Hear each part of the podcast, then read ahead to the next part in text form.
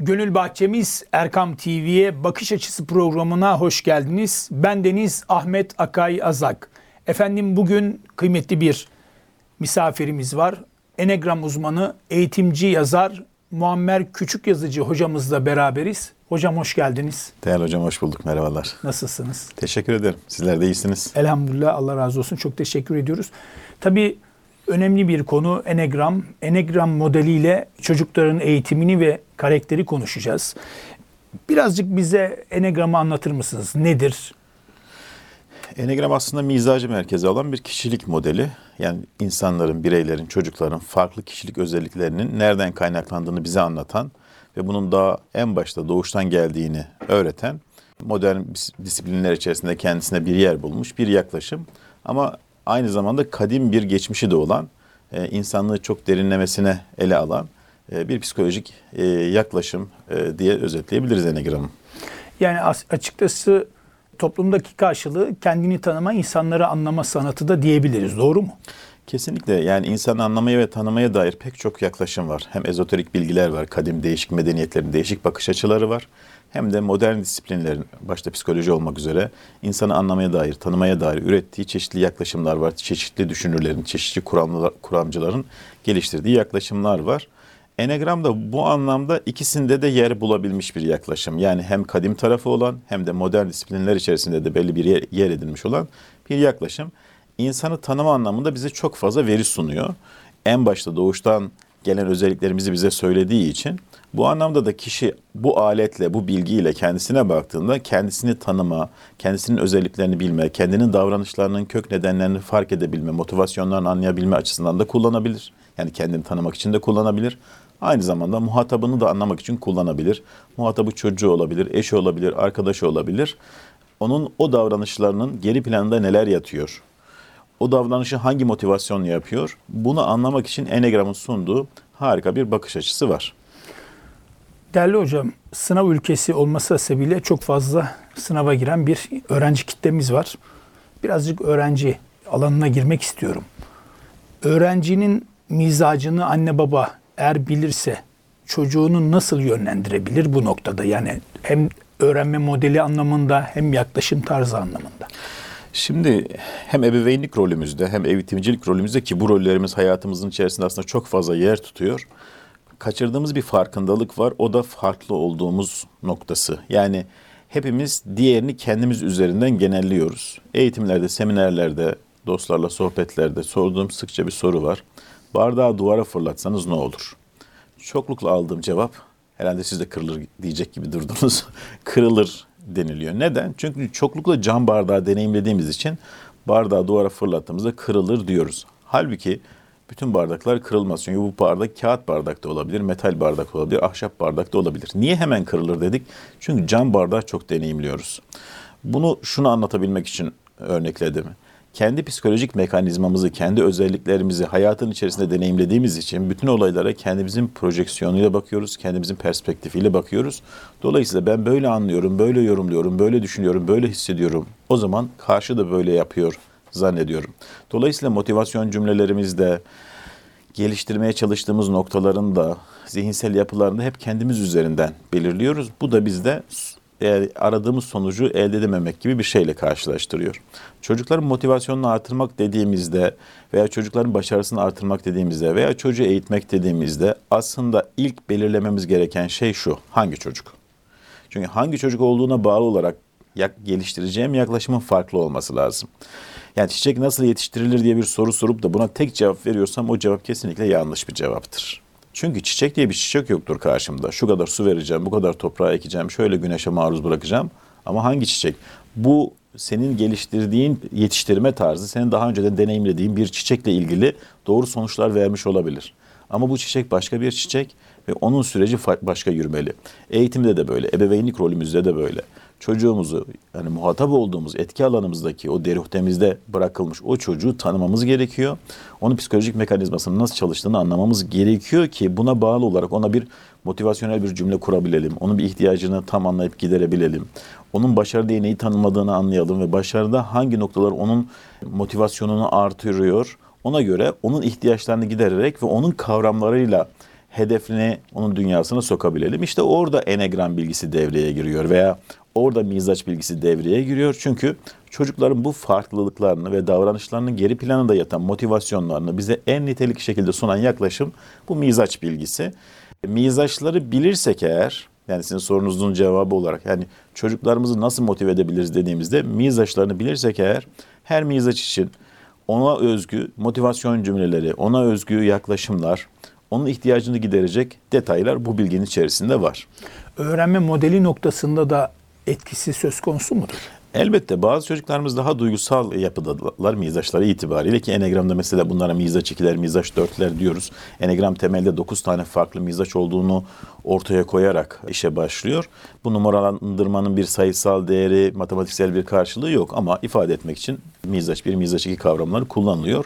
İşte mizaç 2 gibi, mizaç 4 gibi daha duygu odaklı yapıların eğitim ve öğrenme süreçleri farklı. Daha rasyonelitesi yüksek mizaçların örneğin mizaç 5 gibi öğrenme süreçleri farklı. Örneğin mizaç 2 dediğimiz yapıdaki çocuk arkadaşlarıyla bir sosyal ortamda öğrenmeye veya birisini öğretirken öğretmeye daha yatkınken mizaç 5 çocuk tamamen kendi başına kalıp odaklanarak öğrenmeye daha yatkın bir yapıda. Mizaç 5 çocuk öğrenme sürecinde öğretmenine, anne babasına daha az soru sorup kendi araştırmaya eğilimliyken mizaç 6 çocuk otorite gördüğü figürlere annesi, babası, öğretmeni gibi onlara soru sormaya daha yatkın bir çocuk. Mizaç 7 araştırarak, deneyimleyerek öğrenmeye daha yatkın bir çocuk. Mizaç 8 onu zor bir konu ve ben bunu baş ettiğim, bu konuyla baş ettiğimde kendimi iyi hissedeceğim dediğinde öğrenmeye daha yatkın bir çocuk vesaire. Yani tüm mizaçların aslında kendi öğrenme stilleri birbirinden farklı. Zihinlerini kullanma şekilleri de farklı. Daha detaya insek beyinlerin hangi loblarını kullandıkları da farklı. Aslında her çocuğun öğrenme stili kendi mizaç yapısına bağlı olarak şekilleniyor. Bunları biz enegram konusunu eğitimin içerisinde de aktif bir şekilde kullandığımız için her çocuğun mizacına bağlı olarak nasıl bir öğrenme stili vardır, çalışma tarzı nedir, ebeveyninden ne bekler, öğretmeninden ne bekler. Aslında çevresel faktörler için okul, ev, bütün bu çevresel faktörler için onun için ideal öğrenme ortamı nedirle ilgili epey bir e, içerik ürettik, çalıştık. Aslında bunlar çok net veriler bizim gözümüzde. Şimdi başa dönecek olursak birden 9'a kadar bir mizaç tiplemesi var. Bunları biraz açalım. Yani tabii vaktimiz çok uzun değil ama mizaç bir deyince aklımıza hangi çocuk modeli gelir? 2'de, 3'te, 4'te, 5'te ve 9'a doğru bir alalım. Yani mizaç bir dediğimizde aslında rasyonelitesi de yüksek, eylemselliği de yüksek, doğruyu bil ve uygula diye mükemmellik arayan, yanlışı çabuk fark eden, planlayarak iş yapmaya motive, sorumluluk duygusu yüksek, disiplinli, detaycı, biraz eleştirel e, çocuklar olarak düşünebiliriz. Doğruyu sadece... Parantez içerisinde o zaman mükemmelliyetçi diyebiliriz. Mükemmelliyetçi diyebiliriz. Yani doğruyu sadece benim bilmem yetmez, sen de öğrenmelisin, bunu sen de uygulamalısın diyen çocuklar kendi de kendi bildiği doğruyu kusursuz bir şekilde uygulamaya çalışan e, çocuklar. Aslında 1800 yıllardan bu tarafa geliştirdiğimiz Alman ekolüne dayalı okul modellerimizde bu kadar yapılandırılmış, bu kadar her şeyin keskin olduğu, netleştiği okul modellerinde aradığımız çocuk profili mizaç bir. Bütün çocuklar mizaç bir olmasını arzu ediyoruz. Mizaç bir çocuk da bu kadar yapılandırılmış bir okul modelinin aslında çok rahatsız değil. Her şey çok net. O da sorumluluklarını yerine getiriyor ve genelde de başarılı olma oranını daha yüksek olan çocuklar. Çünkü sistem onlara daha uygun. Çünkü, çünkü sistemi kurgulayan zihin e, Alman ekolü diyorum çünkü Alman kültürü de yapısal olarak mizaç bire çok uygundur. Alman ekolü veya Japon kültürü buna uygun yapılardır. Bu çocuklar disiplinli çocuklar, sistematik çocuklar, düzenli olmayı seviyorlar. Sorumluluk duygusu yüksek, adalet algıları yüksek, görevini yapar ama ertesi gün öğretmenine de hatırlatır. Yani e, ödevini yapmayanları niye uyarmıyorsunuz, niye adalet sağlamıyorsunuz? Veyahut da ben sorumluluklarını yerine getir, sorumluluğumu yerine getirdim. Sen de lütfen sorumluluğunu yerine getir ve ödevleri kontrol et diyebilir. Annesine bu konuda sorular sorabilir. Hoş değerli hocam çocukların mizacı olduğu gibi ebeveynlerin de mizacı var. Bu ebeveyn eğer mizaç bir veyahut da öğretmen eğer mizaç birse onların da öğretmenlik diline veyahut da ebeveynlik diline de bu yansıyor. Yani mizaç bir bir ebeveyn evde biraz daha otoriter ve biraz daha kontrolcü. Yani evi biraz askeri sistemle yöneten ebeveynler diyebiliriz. Yani terliğini oraya koyma, dolaplarını düzeltmelisin. Gelince eşyan az, senin iyiliğin için söylüyorum sandalye burada durmaz. Yani o meli malı kalıbını çok kullanan evde bir miktar komutanlık yapan bir ebeveyn figürü olabilirler. Doğru yaptığında pek takdir etmeyen, zaten yapması gerekir gibi bakan, en ufak bir yanlış yaptığında bunu çabuk fark edip yine onun iyiliğini düşündüğü zannıyla onu hemen uyarabilen e, bir ebeveyn figürleridir. Yani hayatın içerisinde mizaç aslında sadece çocuklar için değil, kendimiz için de e, bilmemiz gereken temel bir yaklaşım. Mesela mizaç birleri böyle özetleyebiliriz. Öğretmenle ilgili bir şey söyleyelim. Mizaç bir öğretmen sistematik öğretmendir, kuralcı öğretmendir. Doğru bir tane ve ben sana bunu öğretiyorum. Bunu senin ayrıyeten bir yaklaşımla keşfetmene gerek yok. Burada hazır yapılmışı var modelinde bir öğretmendir. Disiplini, takibi, çocuğun başarılı olması için elinden geleni yapması açısından avantajlı tarafları var. Riskli tarafları da çocuğun yanlış yapmasına veya keşfetmesine pek, pek fırsat vermeyen bir öğretmen profili olabilir. Buna dikkat etmesi gerekir. Mizaç 2 yapısındaki çocuklarsa yani mizaç 1'i nasıl rasyonelite ve eylem yani beyin ve el olarak tanımladıysak mizaç 2'leri de aslında kalp olarak tanımlayabiliriz. Duygu merkezli mizaçlardır.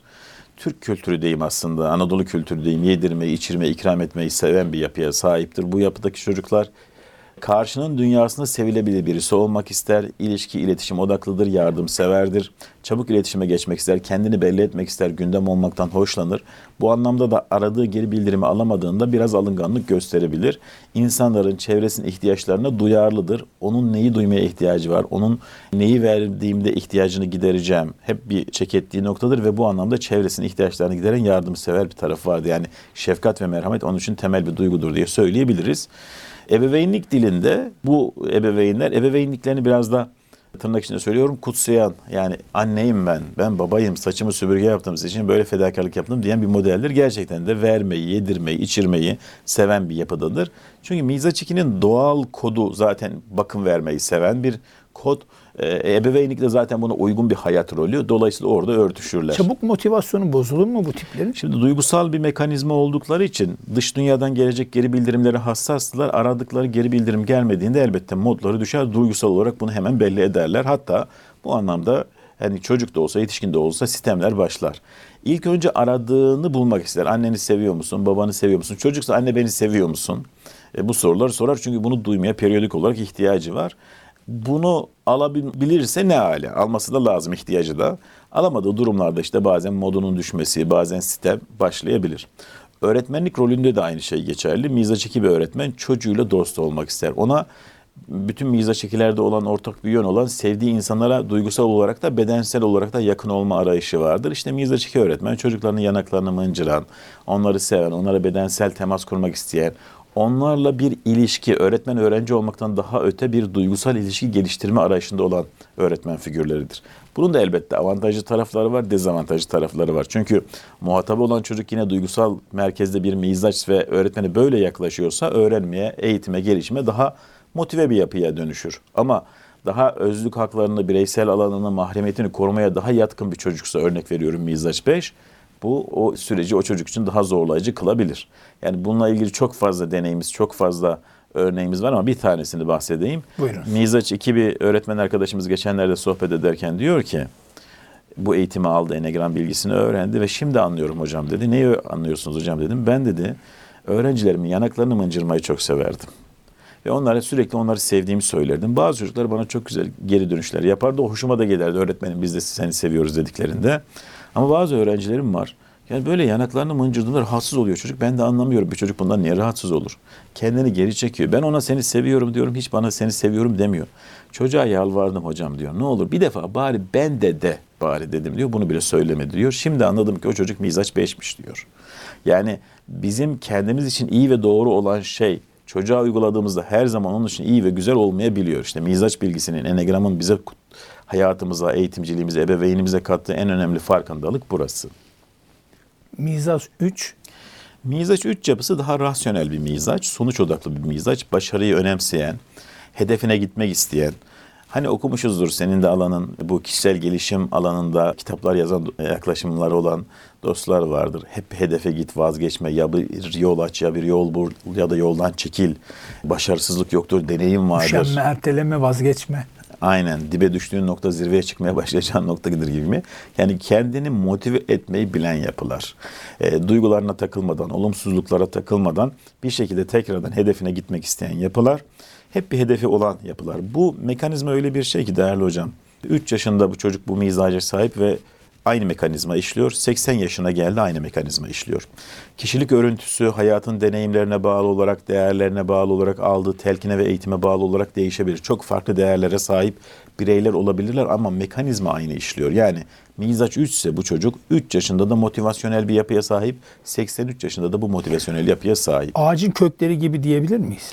Ağacın aslında tohumu gibi diyebiliriz Tohumu. mizacı. Dallar tabii gittikçe büyüdükçe dallar aşılıyor, açılıyor, büyüyor ama bu model hep böyle mi kalır yoksa toplumdan aldıkları, aileden aldıklarıyla birazcık daha gelişir mi?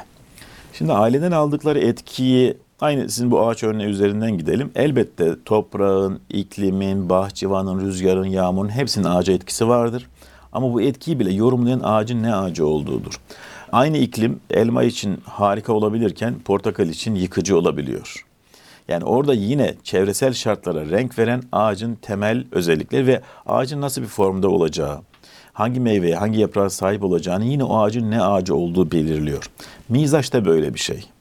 E, elbette çevresel e, etkilerin, değerlerin, öğrenmelerin, anne baba etkilerinin, cinsiyetin, ailenin kaçıncı çocuğu olduğunun, düştüğün, kalktığın, aşık olduğun, yeni arkadaşlar edindin, kitaplar okudun, filmler izledin, pek çok deneyim yaşadın. Sürekli kişilik gelişiyor. Şu an bizim içinde bulunduğumuz psikolojik yapılanmamızın aslında totaline en özet haliyle kişilik diyebiliriz. Ama bu kişilik ağacı doğuştan gelen mizaç çekirdeğinden en çok etki alıyor. Dolayısıyla o öğrenme stilimize de, ilişki tarzımıza da, ebeveynlik tarzımıza da, öğretmenlik tarzımıza da, patronluğumuza da, çalışan e, elemanlığımıza da her e, alanda şekil veriyor. Dolayısıyla enegram bilgisi bazen hani nerede işe yarar diye sorduklarında insanın olduğu her yerde diyebiliyoruz. Çünkü insan karar süreçleri, kabiliyetleri, etki aldığı noktalar tamamıyla ilgili enegramın yani bu mizaç bilgisinin bir öngörüsü var. Evet yani farklı modeller, e, kişilik yapıları tabii ki toplum içerisinde farklı alanlarda kendisini gösteriyor. E, Pekala mizaç 3'ten sonra gelen mizaç 4'teki yapıya baktığımızda e, nasıl bir yapı? Mizaç 4 yani nasıl mizaç bir doğruyu bilmek ve uygulamak anlamında dışa dönükse, nasıl mizaç ki duygusal olsa bunu bile bunu ilişkiye dönüştüren dışa dönük bir yapı olsa bile yani nasıl mizaç 3 zaten sonuç odaklı, hedefkar, çalışkan, üretken bir yapıda dışa dönük olsa da mizaç 4 yapısı da tam zıttına içe dönük bir yapıdır. Yani farklı olma, özgün olma, sıra dışı olma, duygularını derinden yaşama, hayatı biraz içeriden okuma eğilimi vardır. İçe dönüktür ama duygularına dönüktür. Her duyguyu çeşit çeşit yaşamak ister. Dış dünyadan alan, aldığı etkiye karşı daha hassastır. Çünkü bunu mekanizma, psikolojik mekanizma çabuk duyguya dönüştürür. Geçmişe odaklıdır. Yoğun duygu yaşama arayışı itibariyle nostaljik e, yaklaşımlar onun hoşuna gidebilir. Olaylara, olgulara, eşyalara özel anlamlar yükleyebilir. Empati onun özel bir kavramıdır. Yani farklılıklara saygı duyma arayışı yüksektir. Duygu durumu sık değişebilir. Dolayısıyla kararları sık değişebilir. E, bu kadar derin ve renkli bir duygu dünyası ki hayal duygunun dilidir. Dolayısıyla renkli bir hayal dünyasına da neden olur. Bu kadar renkli bir hayal dünyası, bu kadar çok boyutlu bir duygu dünyası normal kelimelerle kendini ifade yerine daha metaforik anlatımlar, daha sanatsal anlatımlar, kalite estetik arayışı gibi veya özgür olma, sıra dışı olma, kreatif olma gibi kişisel ve davranışsal çıktılar o bireyde oluşturabilir. Şimdi bu çocuk bir sınıfın içerisindeyse öğretmeni tarafından özel olduğunun hissettirilmesi onun için çok önemli. Yani arkadaşlar diye genel hitap ettiğim bir sınıf içerisinde merhaba Özge demende eğer mizaç 4 ise Özge ihtiyacı olan bir şey. Ebeveynlik dilinde de bu görürüz. Yani mizaç 4 bir ebeveyn çocuğunun sıra dışı bir çocuk olması noktasında destekler. Daha doğal, daha samimi, daha içten bir ebeveynlik dili benimseyebilir. Veya doğallığı sevmesine bağlı olarak daha minimal yaşam veya da çocuğu daha sağlıklı besleme gibi eğilimleri olabilir. Kendi duygusuna tabii çok gömüldüğünde çocuğuna kör de kalabiliyor bu anlamda. Dikkat etmesi gereken yer Buradan burası. çevredeki insanların onu yani kendisini bir anlam bütünlüğünü yaşaması lazım. Anlaşılmayı çok bekliyor. Yani anla beni diyen bir eşimiz, anla beni diyen bir çocuğumuz, anla diyen bir iş arkadaşımız, arkadaşımız varsa yani gerçekten anlaşılmak onun için çok önemli bir kavramsa mizaç 4 olduğunu söyleyebiliriz. Yani mizaç 4 bir çocuğunuz varsa akşam eve geldiğinde bugün ne yaptın değil de ne hissettin deyip onun gözünün içine samimiyetle bakıp biraz dinlemek, onun kendini ifadesine biraz fırsat vermek onun psikolojik doyum yaşamasına, derslerine motive olmasına ve gelişimine çok büyük katkı sağlar. Evet hocam çok güzel önemli bilgiler aktarıyorsunuz. Kısa bir araya gidelim inşallah kaldığımız yerden devam edelim. Kıymetli izleyicilerimiz kısa bir aradan sonra programımıza kaldığımız yerden devam edeceğiz. Buluşma noktamız Erkam Radyo. Kıymetli izleyenler Bakış Açısı programımız tüm hızıyla devam ediyor. Enegram uzmanı Muammer Küçük Yazıcı hocamızla birlikteyiz. İlk bölümde Enegram'ı ve Enegram hakkında bazı bilgileri paylaştı bizimle. Hocam mizaç 4'ü konuştuk. Tabii her mizacın farklı yapıları var. Mizaç 5'e geldiğimizde diğer 4 mizaçtan farkı nedir? Mizaç 5 rasyonelitesi yüksek bir mizaç. Yani duygusal veya ilişki odaklı bir mizaç değil. Yani mizaç 2'nin ve mizaç 4'ün duygusal ve ilişki odaklılığını düşündüğümüzde mizaç 5 daha kendinde kalmaya odaklı, kimseye muhtaç olmayayım, kimse de bana muhtaç olmasın, herkes kendi sürecini kendi yürütebilsin isteyen bir mizaç. E, yaşam enerjisini duyguya veya ilişkiye değil de bilgiye ve uzmanlaşmaya harcayan, seçtiği bir konuda derinlemesine bilgi sahibi olabilen bir mizaç. Mahremiyetine çok düşkün, beden, zaman, mekan, bilgi, eşya gibi başlıklarda özel alanını öyle kolaylıkla çevresini açmak istemiyor. Düğüne gidelim, bayrama gidelim, yeni arkadaşlar edinelim çok tarzı değil.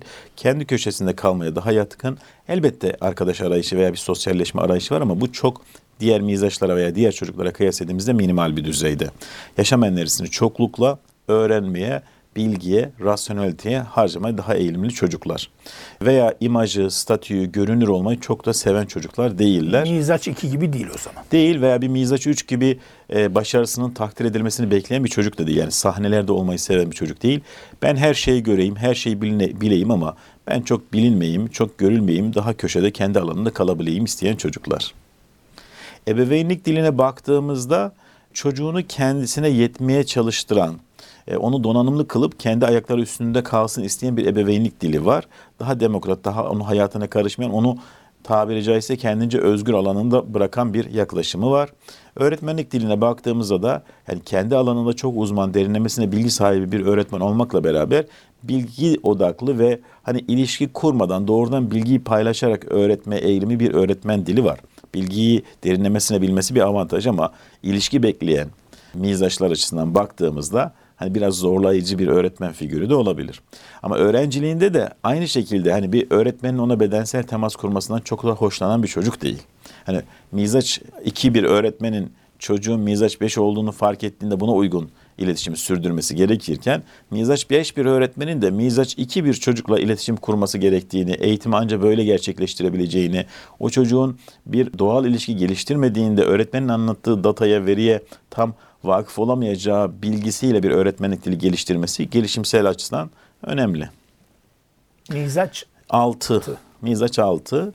Mizaç 6 yapısındaki çocuklar değerli hocam aslında temel arayışı itibariyle yaşam enerjilerini, algılarını güvene odaklamış yapılar. Yani kendilerini güvende tutmayı çok önemsiyorlar. Risk oluşturabilecek, tehdit oluşturabilecek belirsizlik durumlardan sakınıyorlar. Belirsizliği en sevmeyen mizaç diyebiliriz. Bu belirsizliği gidermek için geliştirdikleri strateji ise yapı olarak bilgiyi tam öğrenme, her şey eksiksiz fark etme ve bütün ihtimallere hazır bulunabilmeye çalışma. Sorumluluk duygusu yüksektir, görevini eksiksiz yapmaya çalışır. Ama yine de baş edemeyeceğini ihtimaller aklına geldiğinde kaygı, endişe, korku gibi duyguları çabuk üretebilir. Mesela mizaç altı bir çocuğunuz var ve bu çocuğun başarılı olmasını istiyorsanız onun risk haritasını genişletecek datalardan uzak tutun. Yani haberlerden uzak tutun. Özellikle haber önü haberlerinden kesin uzak tutun. Yani o sürekli yeni bir risk öğrenmesine neden olabilir. Ebeveynlik diline baktığımızda da daha koruyucu, kollayıcı, çocuklarına karşı oluşabilecek tehlikeleri fark edip bunu gidermeye odaklı bir ebeveyn dili var.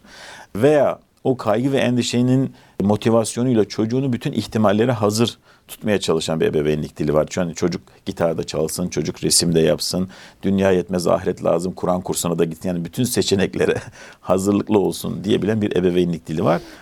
Kişiyi yormuyor mu hocam? İşte yorup yormamasıyla ilgili olan yorumlar da bizim mizacımızın çıktısı. Yani mizaç altı böyle bir durum olmadığında insan nasıl bir ebeveynlik yapabilir ki diye düşünüyor.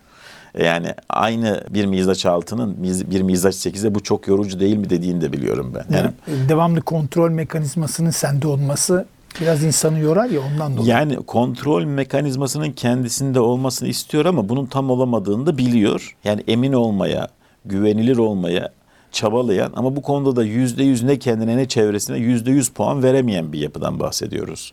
Bu onun garantici ve tedbirli olmasına neden oluyor. Ama kendini biraz da güvende hissetmesine neden oluyor. Aslında Ahmet Hocam şöyle bir nokta var. Bu mizaç dediğimiz mekanizmalar aslında hakikaten mekanik bizim otomatik pilotlarımız. Hayatın içerisinde doğru yerde kullandığımızda harika aletler işimizi çok kolaylaştırıyorlar. Ama mizacımızı abartılı yaşamaya başladığımızda psikolojik sağlık seviyemiz düşüyor aslında bizim için tam da orada zorlayıcı duruma öyle durumlarda yani abartılı kullanmaya başladığımızda devreye giriyor. Yoksa mizaç birin tertipli düzenli olması da iyidir ama bunu abarttığınızda pimpirikli daha da ileri boyutta obsesif olabilirsiniz. Her mizaç için bu geçerli.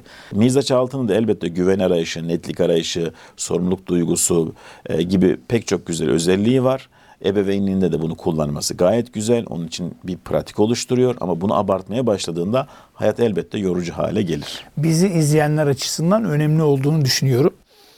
Şimdi tekrar geriye gidersek mesela hayatımızda bildiğimiz ünlüler, tarihsel e, karakterlere baktığımızda tekrar bir daha başa alırsak Mizaç bir de dünyadaki tarihsel şahsiyetler veyahut da çevremizdeki ünlü insanlardan Hemen yani çok örnekler verilebilir. Çünkü bütün kişilik anlamında tanıdığımız en tarihi figürlerin bile mizaçlarını yorumlayabiliriz. Yani bir Fatih Sultan Mehmet'in planlayarak iş yapmasından veya bir kanuninin işte isminin önündeki o kanunilikten hep kanuna dayalı iş yapmasından kaynaklı olarak mizaç biri olduklarını söyleyebiliyoruz. Yani günün pratiğinde de pek çok ismi örnek verebiliriz. Mizaç ikilere daha yakın bir isim olsun mesela Prenses Diana'yı örnek verebiliriz. Herkes tanıdığı bir isim aklıma gel öyle bir isim geldi. Mizaç 3'e daha da yakına gelelim. Mesela Doktor Mehmet Öz'ü örnek verebiliriz. Ronaldo'yu örnek verebiliriz. Yani bütün herkes antrenmanı bıraktığı halde antrenman yapmaya devam eden ve başarı hırsı çok yüksek olan bir futbolcudan bahsediyoruz Ronaldo dediğimizde. Mizaç 4 dediğimizde yani sanat odağı yüksek Kafka gibi, Van Gogh gibi isimleri, Barış Manço gibi o farklılık arayan isimleri örnekleri verebiliriz. Mizaç 5 dediğimizde pek çok ismi örnek verebiliriz. Yani Einstein'da Alev Alatlı Hoca'yı, Fuat Sezgin Hoca'yı, e, Oktay Sinanoğlu'nu, Aziz Sancar Hoca'yı örnek verebiliriz. E, rahmetli e, Sezai Karakoç Hoca'yı örnek verebiliriz. Şimdi Sezai Hoca'ya rahmetli vefat etmeden önce ödül töreni düzenlenmişti. Yani Sezai Karakoç'a ödül verme töreni düzenlenmişti ve herkes oradaydı. Bürokratlar, bakanlar, milletvekilleri herkes oradaydı ama bir kişi yoktu. Sezai Karakoç Hoca'nın rahmetli kendisi yoktu. Sevmiyordu çünkü kalabalığı. Görünür olmayı, bilinir olmayı da sevmiyordu. Neden? Yani psikolojik mekanizması mizacın Mizacından 5 olduğu için. İşte mizaç 6 dediğimizde yine tarihi figürler sorduğunuz için 2. Abdülhamit'e örnek verebiliriz.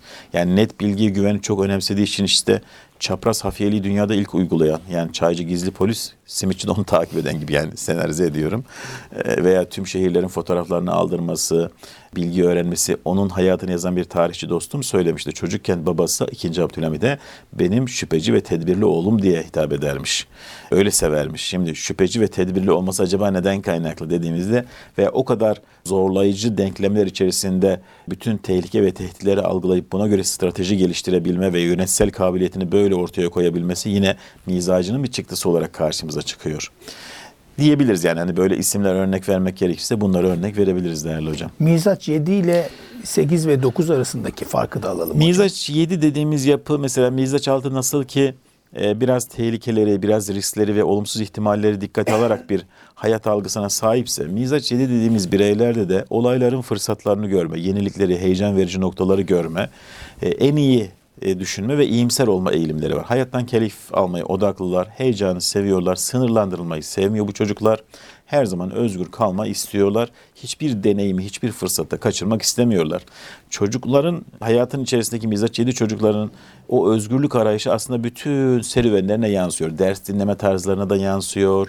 Gece yatışlarına kadar yansıyor. Yani mesela bu çocuklar geç yatarlar. Yan odanın lambası yanıyor iken burada bir şey kaçırmak istemez. Yani bunu ebeveynlerimizle çok sohbet ettiğim için biliyorum. Böyle onlarca örnek dinledim. Hocam bizle anlaşma yapıyor. Tamam yatacağım ama eğlenmeyeceksiniz. Veya cips kola yapmayacaksınız. Yani bir şey kaçırmak istemiyor yapı.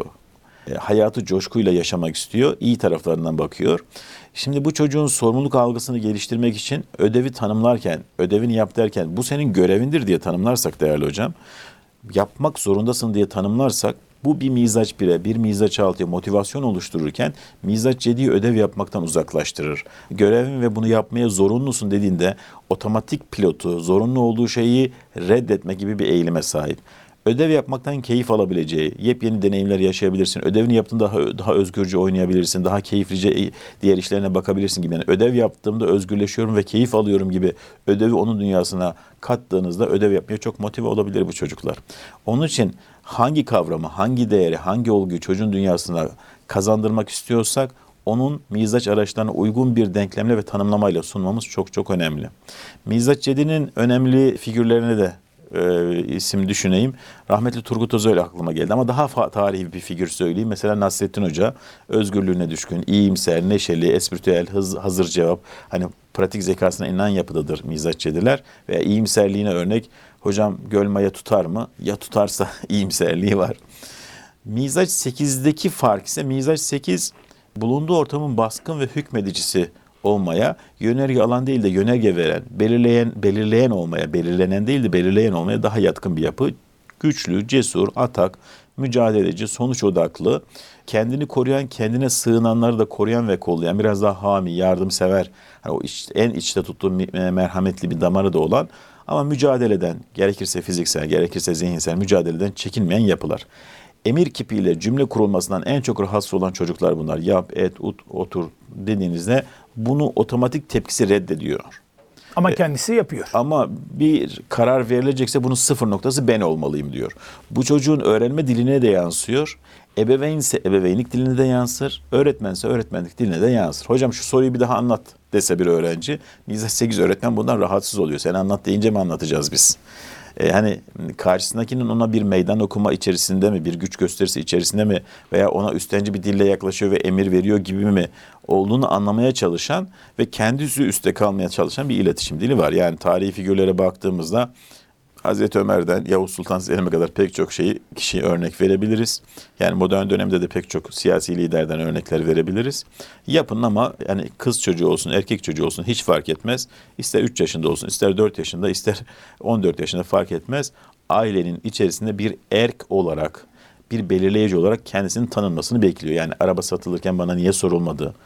Duvar hangi renge boyayalım? Hafta sonu nereye gidelim? Gibi konularda evde kendinin belirleyici olmasına fırsat tanınması o çocuk için çok değerli.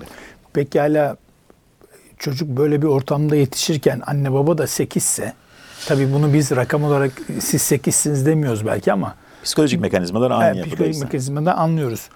Böyle bir durumda bu anne baba çatışmalı ilişkisi olur. nasıl olur? İlişkileri Yani- çatışmalı olur ama geliştirici olur.